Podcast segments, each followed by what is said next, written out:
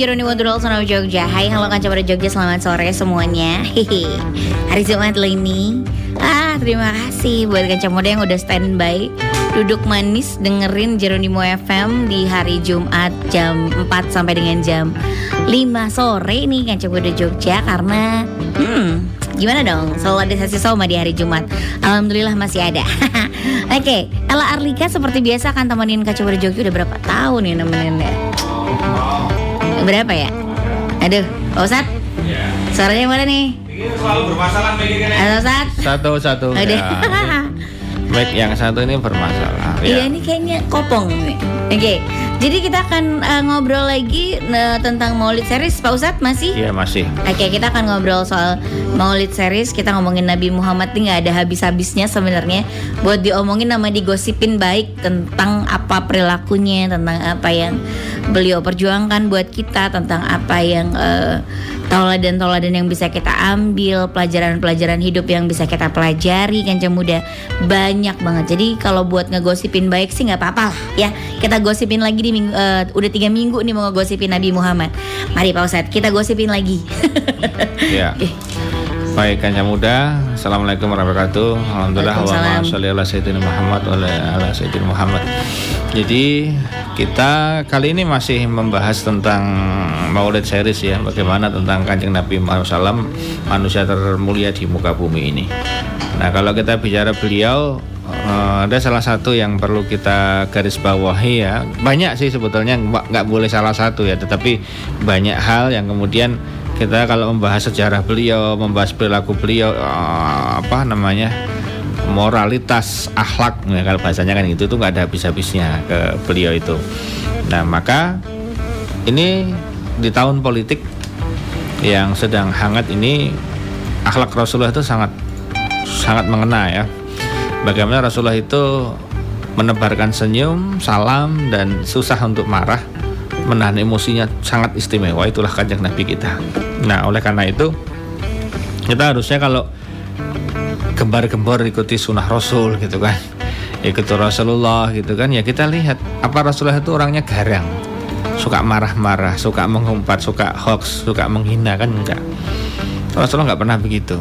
Nah, jadi oleh karena itu mari kita sikapi apa pun pilihan Anda di 2024 nanti jangan sampai membawa situasi kemudian saling membenci. Padahal itu urusan dunia remeh temeh.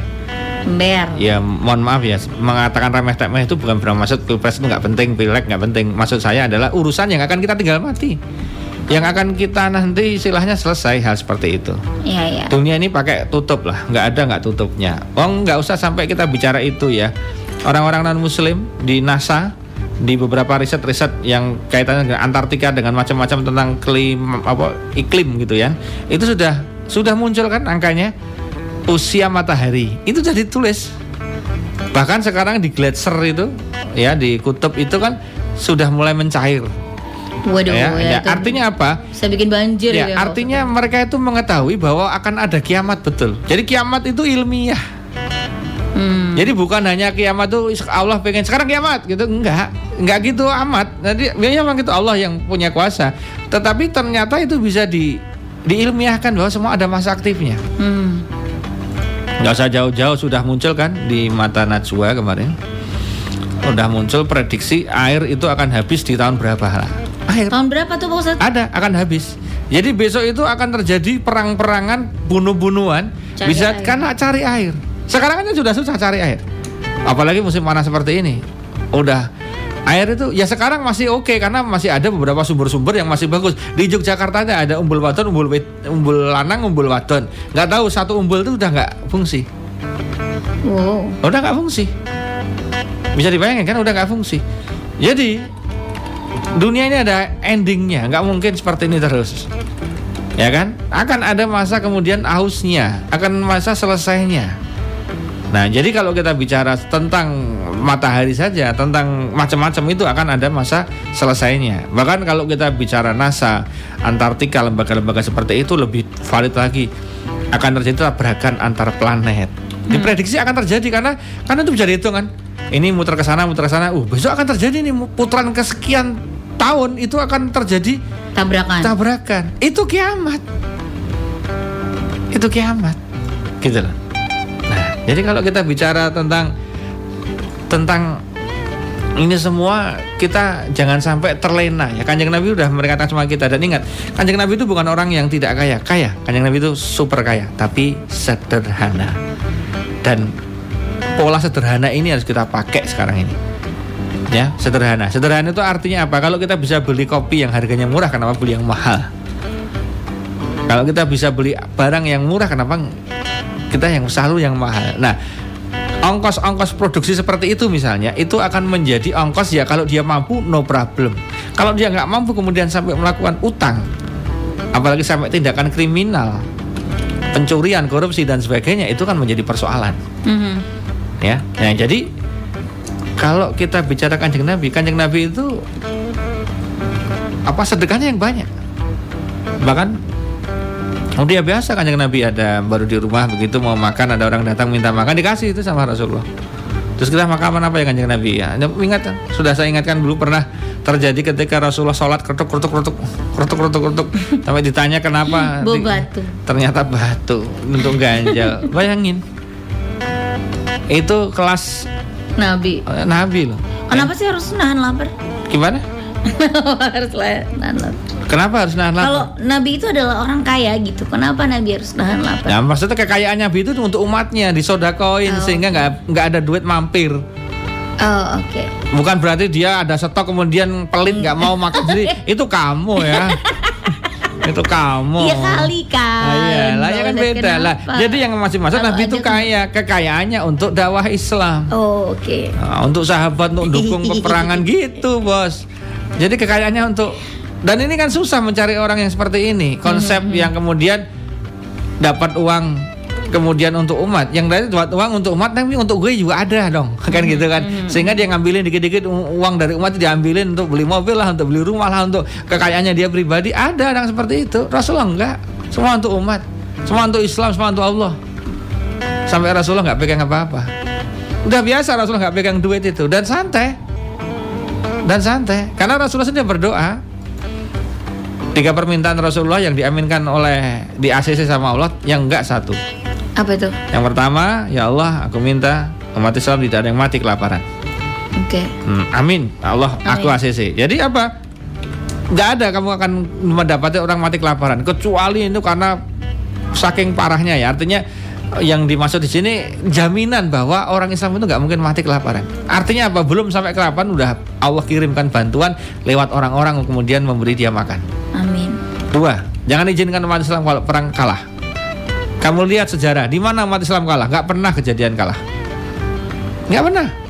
Musuh? Iya nggak pernah. Kamu cari itu kekalahan umat Islam nggak ada. Umat Islam nggak pernah kalah. Oke lah, hari itu dia posisinya kemudian kalah itu sampai kemudian satu kampung bant- pindah agama, satu kampung dibantai habis nggak ada. Ketika perang terjadi apa? Terjadi katakanlah banyak pasukan yang wafat, iya, tapi nggak kalah lah. Hmm. Sekarang Israel, kalau mau jujur tanya itu orang-orang Israel, tentara-tentaranya, pernah menang melawan Palestina? Nggak pernah. Ya benar dia nyaploin sekarang dari peta itu Palestina itu dari peta yang besar menjadi mengecil, mengecil, mengecil. Tapi apakah hilang? Enggak. Begitu mati satu Allah lahirkan 100 Mati satu lahirkan 10 Jadi di sana itu banyak kematian banyak, banyak kelahiran Keren kan? Di situasi konflik seperti itu banyak yang lahir Bahkan yang lahir daripada yang hidup lebih banyak yang lahir. Itu itu keberkahan yang luar biasa. Itu rahasia ilahi. Apa artinya? Islam di mana mana nggak pernah kalah. Hmm. nah begitu yang ketiga doa Rasulullah ya Allah aku ingin umat Islam bersatu. Oh nanti dulu kalau itu. Allah nggak ngasih sih. Itu rahasia ilahi yang sampai sekarang masih banyak ulama kemudian menafsirkan, mencoba mencari hikmah di balik itu semua. Apa maksud dari umat Islam bersatu? Ya maksudnya biar nggak ada konflik, nggak ada itu ternyata nggak, nggak di ACC itu kan apa?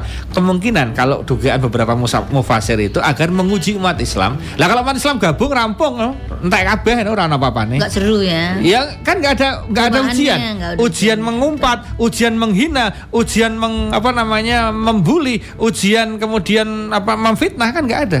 Kan lihat luakum ayukum asanu amala kata Allah. Jadi aku berikan situasi apa pun pada anda semua kata Allah untuk menguji siapa yang paling baik amalnya. Mhm. Nah, gitu kan? Nah, ketika Islam bersatu rampung rano pilpres, rano pilkada, wong kabeh bersatu. Wis ngusung siji. Aliannya masih manut. Coba NU Muhammadiyah sekarang bersatu. Nggak ada yang bersatu dari dulu NU Muhammadiyah. Pemenangnya NU Muhammadiyah terus nggak ada yang lain. Mau isinya cuma itu paling banyak mayoritas. ya kan? Iya. Coba Muhammadiyah sama NU sekarang duduk bersama. Bismillahirrahmanirrahim. Pokoknya presiden hari ini dari Muhammadiyah, wakilnya dari NU. Presiden yang tahun depan dari NU, NU, presidennya besok dari Muhammadiyah. Gantian. Itu nggak pernah ganti, Mbak. Cuma ganti RI 1, RI 2, RI 1, RI 2 gitu terus. Iya iya iya iya. Udah, Terus ya, sama-sama dan itu dan itu ngirit. Ngirit. Nggak perlu pertentangan-pertentangan, udah. Ya sudah, nggak perlu gonta-gontaan, langsung jadi, langsung jadi aklamasi kalau perlu. Ah, Cuma itu penguasanya. Tapi kenapa nggak dibikin sama Allah begitu? Wah, beda ketahuan siapa yang munafik. Siapa yang kemudian jadi orang yang muslim benar? Kan kita nggak pernah tahu di situ terjadilah orang akhlaknya ketahuan kan? Yang tadinya orangnya kusuk tiba-tiba mengumpat. yang tadinya banyak ngaji ternyata menghina. Kita kan nggak tahu. Dengan beda pilihan, dengan adanya macam-macam politik menjadi ketahuan nih orang kualitas karakternya kayak apa. Hmm. Nah kalau semuanya mak pernah nggak pernah kalah, nggak pernah mati kelaparan, bersatu terus, ah, ah, terus gimana? Kok enak? Makanya Malah sebenarnya ketika semua itu terjadi ajaran-ajaran Nabi Muhammad tuh malah tidak bisa diaplikasikan ya karena semuanya nyaman ya kok ya tentang Ustadz. sabar, tentang itu kan nggak ada Nggak kan ada gitu. ya, ya betul betul. itu sih. itu kan luar biasa. Makanya kenapa nggak di ACC sama Allah? Nah di balik itu semua itu ujian, ujian ya. Dan Allah menciptakan kita semua nggak iseng. Menjodohkan kalian semua nggak iseng. Menjadikan situasi sekarang ada pada diri anda nggak pernah iseng. Setelah selalu ada sesuatu yang hikmah yang luar biasa. Nah hebatnya Rasulullah apa? Yang perlu kita itu Rasulullah itu husnudonya pada Allah itu tingginya luar biasa. Yakinnya pada Allah itu topnya levelnya Rasulullah. Sampai Bayangkan kelas Rasulullah ketika sedang santai di bawah pohon kurma, tiba-tiba ada datang daksur. Langsung menghunus pedangnya di sampingnya leher Rasulullah. Hei Muhammad, ketemu kamu sekarang. Siapa yang mau nolong kamu sekarang? Kamu tak bunuh, kamu gak ada yang nolong sekarang. Siapa yang mau nolong kamu Muhammad? Diketak gitu. Rasulullah dengan santai mengatakan, Allah yang menolong saya.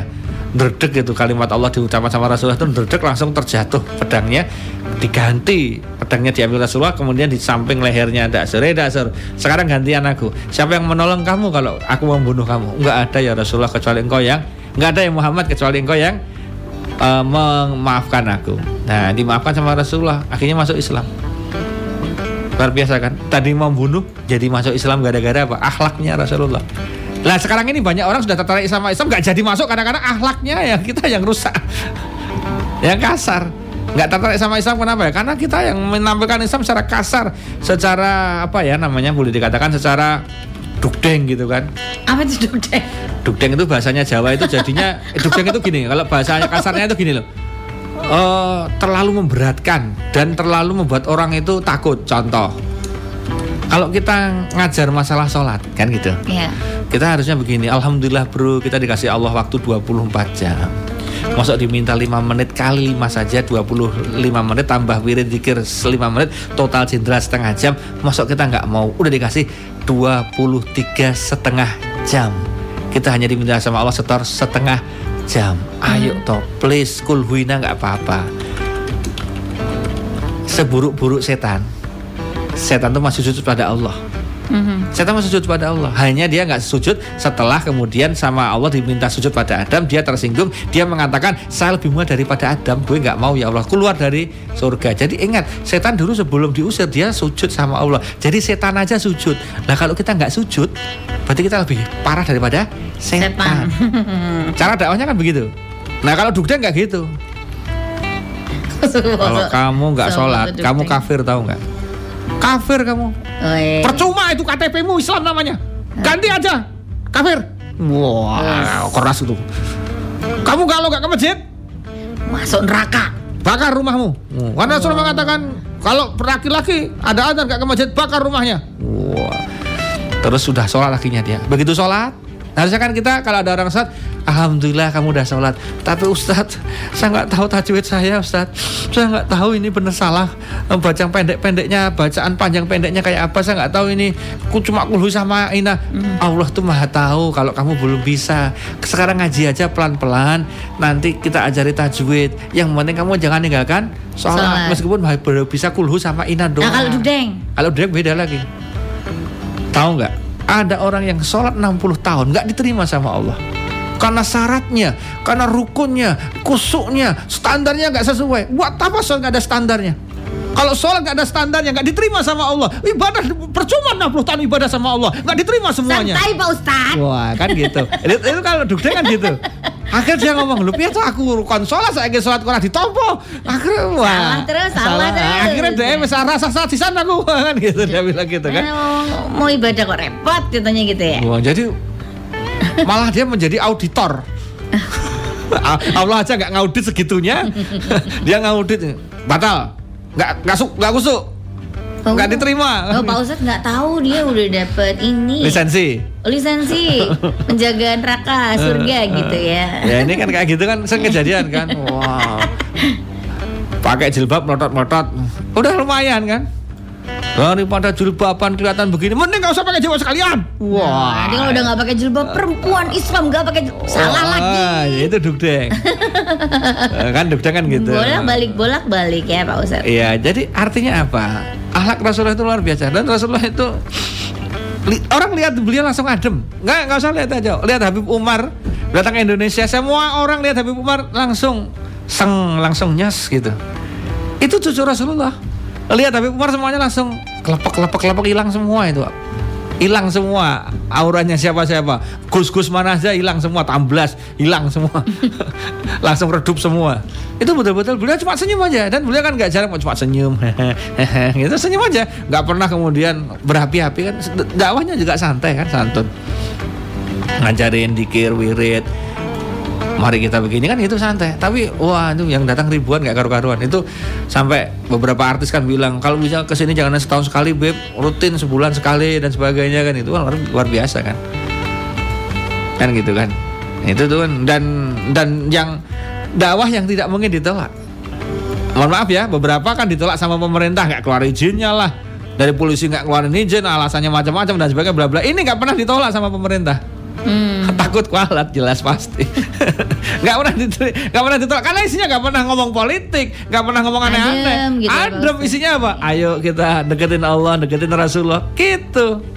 Itu loh. Nah jadi eh, apa kalau kita lihat bisa bayangin ya lihat Habib Umar kayak gitu aja kita udah seneng. Apalagi ketemu Rasulullah SAW Masya, Masya Allah. Gitu kan. kayak apa gitu kan? Maka syafaatnya beliau kita tunggu-tunggu betul kan gitu kemarin ketika apa namanya saya pernah ceramah di sini kan jadi kenapa ada beberapa orang ada asrokol ya. Makal kiam dia berdiri ya Nabi salam alaika dia berdiri. Karena dalam hadis dikatakan Rasulullah datang. Harus kita hormati. Kan gitu kan? Kan begitu. Nah bagi sebagian orang maka begini loh yang cara sederhananya adalah kita pernah bilang kan Abu Lahab sampai bencinya kayak gitu sama Rasulullah itu pun gara-gara pernah bahagia ketika Rasulullah hadir di muka bumi. Pernah senang ketika Rasulullah lahir. Hari Senin itu maka setiap hari Senin di alam barzahnya beliau Mhm. siksanya dihentikan. Pray nek Senin linyikso Kenapa? Karena pernah senang di hari Senin ketika Rasulullah hadir. Mhm. Baru senang aja udah dikasih dispensasi. Apalagi kita tidak hanya senang, yang ngamalin, ya gandrung, yang mengidolakan, ya solawat. Kita sambung komunikasi dengan Rasul dengan cara solawat. Itu nggak nggak karu-karuan itu kayak apanya. Nah maka kan yang muda kalau kita bicara, maka cara terbaik dua hal. Ya satu kita baca sejarah beliau dan mengamalkan sunnahnya. Cara kedua solawatnya jangan pernah putus setiap hari. Harus ada sholawat. Itu itu itu cara dua cara itu. Nah nanti di segmen kedua saya akan bagaimana tips berbagi bagaimana cara sholawat dan kemudian membagi waktu-waktu sholawat agar kita bisa punya space untuk sholawat itu. Oke? Jadi di segmen pertama ini kita masih bicara tentang apa ya tadi lah banyak kita harus punya bukunya lah. Harus beli bukunya Buku sejarah Rasulullah itu harus beli, harus dibaca bagaimana Rasulullah menjelang beliau hadir di muka bumi, bagaimana situasi jazirah Arab waktu sebelum Rasulullah datang, bagaimana Rasulullah lahir, pas lahir itu terjadi apa saja, bagaimana Rasulullah kecil, bagaimana Rasulullah remaja, bagaimana Rasulullah menikah, bagaimana Rasulullah berumah tangga, bagaimana Rasulullah menjelang wafatnya. Kalau itu dibaca semua, kita itu loh baca komik aja anime itu kan terinspirasi sampai tergandrung-gandrung terngiang-ngiang. Dulu Hmm. kita baca kungfu boy. Ya. Oh, kan dulu zaman saya kan Kung Fu Boy, Dragon Ball dong. Nah, ya, kayak gitu kan. Nah memang Iya. kalau kartun kancing nabi nggak boleh. Karena nabi kan nggak boleh digambar nggak boleh difoto nggak ada wakil gitu kan. Cuma ada cahaya begitu. Jadi eh, itu untuk menghormati beliau. Nah kita membaca sejarahnya. Kalau kita serius kita larut dalam dalam sejarah itu kita akan terbayang bagaimana betapa jasa besar beliau itu apa menyebarkan Islam sampai sekarang ini beliau loh Mhm. sampai kepada kita itu beliau loh. Nah kalau kita bicara kita dari ayah ibu kita, ayah ibu kita dari ustadznya, ustadznya dari kiainya, akhirnya ke wali songo, wali songo ke mana? Nah ujungnya ke Rasulullah semua, Mhm. ke sana semua, ujungnya ke sana. Nah gimana kita nggak harus terima kasih, wajib terima kasih. Nah terima kasihnya apa? Ya kita sholawat. Makanya kalau udah bulan Maulid, orang-orang keturunan Nabi itu itu ngadain acaranya jor-joran jor-joran. Wah, kok itu pemborosan? Ya apa-apa, lebih baik pemborosan bidang seperti itu daripada bidang kemudian ngundang dangdutan yang ada aksi porno aksinya kan itu malah dosa. Dangdutnya nggak salah, porno aksinya yang salah. Dangdutan silahkan, tapi pakaiannya yang sopan. Dangdutan silahkan, tapi kemudian lagunya jangan nakal-nakal. Dangdut silakan, neng rasa nggak nyawer-nyawer, mepet-mepet, ngosar-ngosar itu nggak perlu.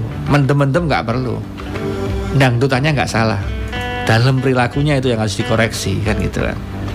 Ngedijinya nggak salah, tapi kalau isinya pakai mendem-mendem dan sebagainya itu yang salah. Kan gitu kan. Mau konser apa pun, rock mau apa saja, ya keroncong betul nggak bisa. Betul aja nggak masalah. Asal keroncongnya apa bal keroncong yang karo nyimeng apa doang keroncong yang karo narkoba ya nggak boleh. Haramnya narkoba ya bukan keroncongnya. Nah jadi kalau orang ngadain acara maksiat aja berani keluar uang banyak kenapa untuk Rasulullah nggak berani keluar uang banyak? Makanya udah mau itu acaranya masih jor-joran lah. Kode dan itu sering sekali panitia itu kadang tanpa duit lah banyak yang nyumbang aku giant screennya aku sound systemnya Ya, gue ya. konsumsinya gue hotelnya gue pokoknya perjalanan ustadznya gue semua Ntar minum aku Oh, sudah gitu. ada semua. Dan tiba-tiba itu pokoknya tiket ada aja. Semuanya semuanya sudah di running well, sudah ada yang nyepain, Ya, nyiapin. Itu ada. Kita hanya tinggal kerja, Allah yang kasih rezekinya. itu kan luar biasa. Luar biasa ya Pak Nah, Ustadz. itu yang yang yang yang ada. Maka kanya muda kalau kita bicara bulan Maulid, bulannya Rasulullah, ya kita mau tidak mau kita mencobalah.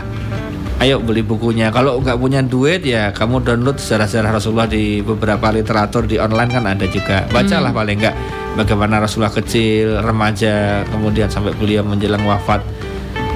Aduh keren, keren. sekali. Pak Ustadz, saya tuh tadi jadi ingat eh, ketika ngomongin eh, apa namanya Rasulullah itu sampai sholat aja bawa batu kelaparan gitu. Hmm. Eh, Alhamdulillah ya kita ini Indonesia itu dinobatkan sebelum kita eh, masuk ke lagu dinobatkan sebagai negara terdermawan di seluruh dunia peringkat pertama dan itu dibahas di televisi di Jepang atau di mana gitu karena ya memang nggak paling kaya negaranya orang-orangnya juga bukan yang terus eh, apa namanya s- masih ada yang miskin gitu.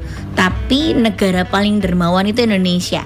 Yang dibahas adalah karena Islam itu punya sedekah. Jadi itu yang membuat eh, Indonesia itu eh, jadi negara terdermawan karena dia akan mengeluarkan sedekah untuk menolong siapa aja di seluruh dunia. Keren ya Ustaz? Hmm, keren. Sebetulnya negara-negara lain ada, cuma nggak diungkap datanya dengan detail. Ada ada Pak Ustadz, tapi memang nomor satu Indonesia. Jadi eh, um, ini di atasnya Amerika Serikat sama Australia. Kalau dihitung secara nominal itu Indonesia masih lebih tinggi daripada mereka Pak Ustadz. Ya, artinya orang Indonesia itu terbiasa, dia lebih dia miskin tapi dia mau ngeluarin. Iya. Dia miskin tapi dia mau ngeluarin. Dan kadang orang miskin ini lebih banyak ngeluarin daripada orang mohon maaf ya merasa lebih mulia, lebih tinggi Iya, duitnya iya. gitu. Betul. Oke, balik lagi kan Jogja Jogja masih di sesi Soma sana sini soal agama. Nanti ada sesi kedua. Stay tune terus.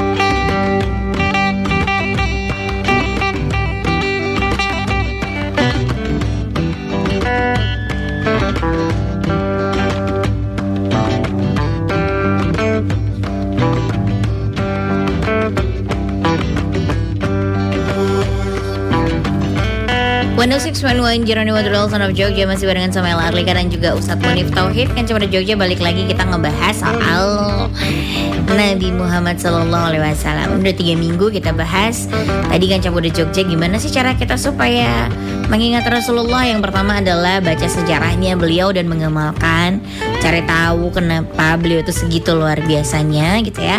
Dan kemudian eh, uh, solawat deh tiap hari usahakan ada uh, solawat yang kita berikan dan kirimkan kepada Nabi besar kita Muhammad Shallallahu Alaihi Wasallam. Nah, ini dia. Kita mau kasih jurus lagi apa lagi Pak Ustadz ini? eh, nah, eh, eh, salah. Untuk sholawat kan yang muda kita harus meniatkan bahwa sholawat kita itu nggak sebanding dengan jasanya Rasulullah. Mhm. Maka sebetulnya sholawat itu hanya ilo-ilo. Kalau bahasa saya itu ilo-ilo itu ya jangan sampai kita ya paling nggak itu ada terima kasihnya. Hmm. Walaupun terima kasih kita itu nggak sebanding dengan jasanya Rasulullah. Nah, setidaknya kita harus meluangkan waktu. Nah, cara terbaik untuk bisa rutin sholawat adalah mencobanya, langsung try. Selama kita nggak mencoba sholawat, nggak menggerakkan tasbih kita, nggak menggerakkan lidah kita, ya selamanya kita nggak akan sholawat. Maka kita harus memulai dengan sholawat yang ringan terlebih dahulu. Solawat Jibril. Ya, itu paling ringan tetapi pahalanya cukup besar. Sallallahu ala Muhammad, sallallahu ala Muhammad. Berapa Ustadz? Saya cenderung menggunakan hitungan yang langs eh, hitungan langsamnya itu 100 per 100. Tapi 100 itu kategori biasa. Kalau kita bicara orang yang akan didapat syafaat Rasulullah adalah orang yang memperbanyak sholawat. Ulama sepakat banyak sholat itu berapa sih? Nah, ulama sepakat ini. Ini kesepakatan ulama, nggak ada hadisnya ya. Tapi sepakat yang dikatakan banyak itu minimal 300 300. minimal. Oke. Berarti kita harus punya target paling tidak sekali baca sholawat minimal 300. Nanti kalau kita enak tambah 500, enak lagi tambah 1000. Udah. Nah seribu nanti dikonsistenin aja. Kalau udah seribu udah biasa Nanti seribu di pagi, seribu di sore Pagi, sore, pagi, sore, pagi, sore Pagi, malam, pagi, malam, pagi, malam gitu aja. Jadi sehari dua ribu. Nggak usah ditambahin Tetapi kualitasnya ditambah. Dengan hati yang paling dalam Oke. Dibaca dengan bagus. Nanti kalau mau ada partai tambahan Jadi seakan-akan seribu pagi, seribu sore Seribu pagi, seribu malam itu Itu wajibnya Bahasa kasarnya begitu. Itu nggak boleh lewat. Nah, sunahnya itu adalah sepanjang hari. Di mobil, di motor, nunggu antrian, sedang santai. Yang penting tidak sedang di kamar mandi ya. Ini baca itu. Mhm. Makanya ada orang bawa tasbih uh, slow sebentar dia baca, sebentar dia baca, sebentar dia baca per 100 kan. Satu tasbih dihilang, diselesaikan 100, 100, 100 dah nanti kapan. Dah. Jadi hidupnya itu diisi sholawat terus. Mhm. Nah, kenapa ada wajib, kenapa ada sunnah? Wajibnya ini agar kita nggak pernah putus sama Rasulullah. Nah, jadi wajibnya itu jangan pernah diputusin. Digeser boleh. Digeser boleh. Contoh, saya bilang geser boleh. Contoh ya. Saya mau perjalanan keluar kota ini. Jadi saya berangkat itu jam 3 dini hari misalnya. Ya tak geserin itu. Pilihannya ada sebelum berangkat atau nanti setelah sampai lokasi. Mhm. Misalnya harus di tengah-tengah kita break baca. Nggak bisa langsung pas habis sh- sholat subuh nggak apa-apa karena mungkin sholat subuhnya mohon maaf nggak nyaman, nggak nyamannya karena di rest area banyak orang sedang mules dan sebagainya. Udah kita selesaikan dulu perjalanannya. Begitu udah kita santai, kita ada waktu kita baca. Jadi kita masih punya utang kalau belum baca itu. Ya, pagi itu berarti kapan? Ya dari dini hari sampai dengan sebelum duhur itu pagi. Kalau bicara malam atau sampai sebelum masyarakat bicara malam berarti habis asar ke sono sampai dengan nanti malam. Udah kita baca di situ. Wajibnya itu kita baca. Yang wajib seribu pagi, seribu malam, seribu pagi, seribu malam itu itu jangan sampai lolos. Itu dulu. Kalau itu udah konsisten, nanti kamu bisa nambahin partai sunahnya. Bahasanya gitu kan. Ini kan hukum wajib sama sunah ini kita yang bikin loh ya. Nggak ada hadisnya loh ini. Nggak. Ini ini ini Cuman memaksakan untuk dirinya. untuk memudahkan istilah Iya, bahwa iya. kalau kita nggak majibin sholawat ya kita nggak sholawat nanti Hmm. harus diwajibin nah waktunya terserah pilihannya di pagi hari itu terserah Ah, belum tahajud setelah tahajud sebelum subuh setelah subuh setelah sampai tempat kerja terserah yang penting ada space waktu pagi itu kamu harus seribu sore ke malam itu seribu Waktunya geser-geser boleh sebelum maghrib, setelah maghrib, sebelum isya, setelah isya, agak sebelum tidur, bangun tidur, terserah aja, terserah. Yang penting malam ada ba- bacaannya. Mhm. Jangan bicara, aduh, kok kita kesel. Begitu kamu bilang kesel, kamu ingat ketika kamu ngerasani temanmu bisa sampai 3, 4, 5 jam. Kamu ingat ketika kamu nyinyir sama orang bisa berhari-hari, kamu nggak nggak pernah capek itu bibirmu itu yang tebal itu. Kamu ingat pas ngobrol asik tentang gibain orang sampai dibahas detail, sampai kamu lambenya miwir-miwir itu kamu ingat itu. Padahal soal nggak perlu miwir ya. Ah, mau, mau, cuman mengucapkan kata yang sama berkali-kali. Iya, nggak nggak perlu pakai ekspresi yang kemudian seperti kamu ketika gibain orang. Dan nggak sampai nyita waktu 2-3 jam dan nggak perlu kopi-kopian. Kopinya nanti selesai kalau udah selesai apa-apa ya. Nggak perlu di coffee shop juga. Lah ya makanya. oh, siap. Jadi kalau kamu pas mau ngera, mau sholawat kok terasa berat bibirnya, ingat kamu pas ngomongin orang itu bibirmu nggak pernah berat. Kenapa kamu ngomongin Rasulullah kamu berat? What wrong? What wrong? apa? What's, wrong? What's wrong? What's wrong? What's wrong? Iya, iya. Ya kan itu kan gitu. Jadi kita harus harus apa ya? Punya kita harus punya seperti itu dan ngomongin maulid tanpa sholawat nothing. Ngomongin rasul tanpa sholawat ndak usah. Ya karena itu jalan kuncinya di situ. Biasanya orang itu sholawat dulu baru tertarik sama Rasulullah. Jadi nyebutin dulu Rasulullah baru tertarik, dibikin tertarik sama Rasulullah. Ketika tertarik dia beli bukunya, dia baca sejarahnya tertarik. Kalau orang cuma dengerin cer- ceritanya doang tanpa sholawat, tertariknya beda. Asli, cobaan nggak percaya. Sholawatan dulu, begitu kamu dengar tentang Rasulullah, kamu wow, kamu akan interest, bahkan kamu beli buku, bahkan beli bukunya dari satu seri, saya beberapa seri, kamu bandingin, bandingin, oh gini ya, gini ya, gini ya, ternyata oh buku ini begini, buku ini begini, nggak pernah habisnya, karena itu sudut pandang. Oke, sudut pandang. Jadi ada orang yang sudut pandangnya itu melihat Rasulullah itu dari istilahnya beliau melihat si penulis A itu dari sisi samping kiri. Nanti penulis B itu dari sisi samping sebelah kanan. Karena itu hebatnya beliau dari sisi mana pun menarik. Hmm. Nah ada orang yang fokusnya sisi kiri terus. Ada sisi kanan atau kanan kirinya nggak imbang Lebih imbang ke kanannya. Sehingga dia kanan bahas bawah. Yang kiri nggak pernah dibahas Padahal yang kiri juga menarik. Atas menarik, bawah menarik Depan belakang menarik Rasulullah itu. Masa kecilnya menarik, sebelumnya menarik Masa dewasanya menarik Masa mau semuanya menarik nggak ada yang nggak menarik. Ya nggak ada yang menarik. Semuanya menarik semua nggak ada yang nggak menarik gitu kan. Itu yang luar biasa. Itu ya. Ini contoh sederhana sekali ya orang kalau rutin sholawat tuh ini biar tambah semangat. Ada seorang Habib itu kan selawatnya kan kalau Habib jangan ditanya harusnya Habib itu udah Gak usah ceritain juga berarti. Oh, jangan bukan ya, ceritain. saya wajib. Tapi Habib kok gak pernah sholawat itu bukan Habib itu. Ha- namanya Habib aja namanya. Iya, iya, Muhammad Habib gitu. Tapi bukan Habib dia. Kalau Habib asli dia pasti so- sholawat. ah, pasti sholawat. Ini seorang Habib ini kan sholawatnya luar biasa. Dia pasti sholawat lah. Dia Iya, sholawatnya. Kalau udah bicara Habib itu dosisnya dosis tinggi bos. Mhm. Dosisnya tinggi sekali baca bisa sepuluh ribu malam itu. Wow. Oh udah, udah, sholawat, oh, udah sepuluh sepuluh ribu itu. Itu pernah satu saat itu dirasain. Jadi Habib itu kalau tingkat tinggi ilmunya itu sampai dia punya ilmu yang bisa lihat orang. Maksudnya dia bisa tahu ini ngerasani gue. Oh ini enggak sama ini gue suka, enggak ini nggak suka gitu. ya. Tapi dia nggak marah, bukan eh. Kamu kan udah hatimu gini enggak, dia nggak gitu, diam aja dia. Oh ini nggak senang, udah dia santai aja. Nah dia kasih pelajaran tuh sama orang nggak senang itu. Dalam hati pernah bilang gini tuh orang yang seneng itu. Habib apa? Katanya Habib itu cinta Allah Cinta Rasulullah Sederhana. Kok sukanya Harta? Maksudnya suka harta itu bukan dia kemudian minta-minta. Hartanya banyak. Hartanya banyak. Kok barang-barangnya mewah semua. Ini Habib tapi kok cinta dunia? Kan gitu lah bahasa kasarnya. Habib tapi kok hubut ya kayak Ustadz pakainya mobil yang merek M mereknya B yang Oh, iya. gagah. Naiknya Harley. Mhm. Ah, gitu kan Iya, misalnya iya. gitu kan. Ini Ustadz apa ini? Ustadz katanya tentang sederhanaan tentang cinta kok pakainya mobilnya gitu. Wah kan ada kritikan kan? Ini kan dikritik itu Habib itu. Kemudian dia tahu. Dia tahu kemudian eh kamu sini. Ya Bib gimana? Enggak. Kamu ada perasaan apa sama saya?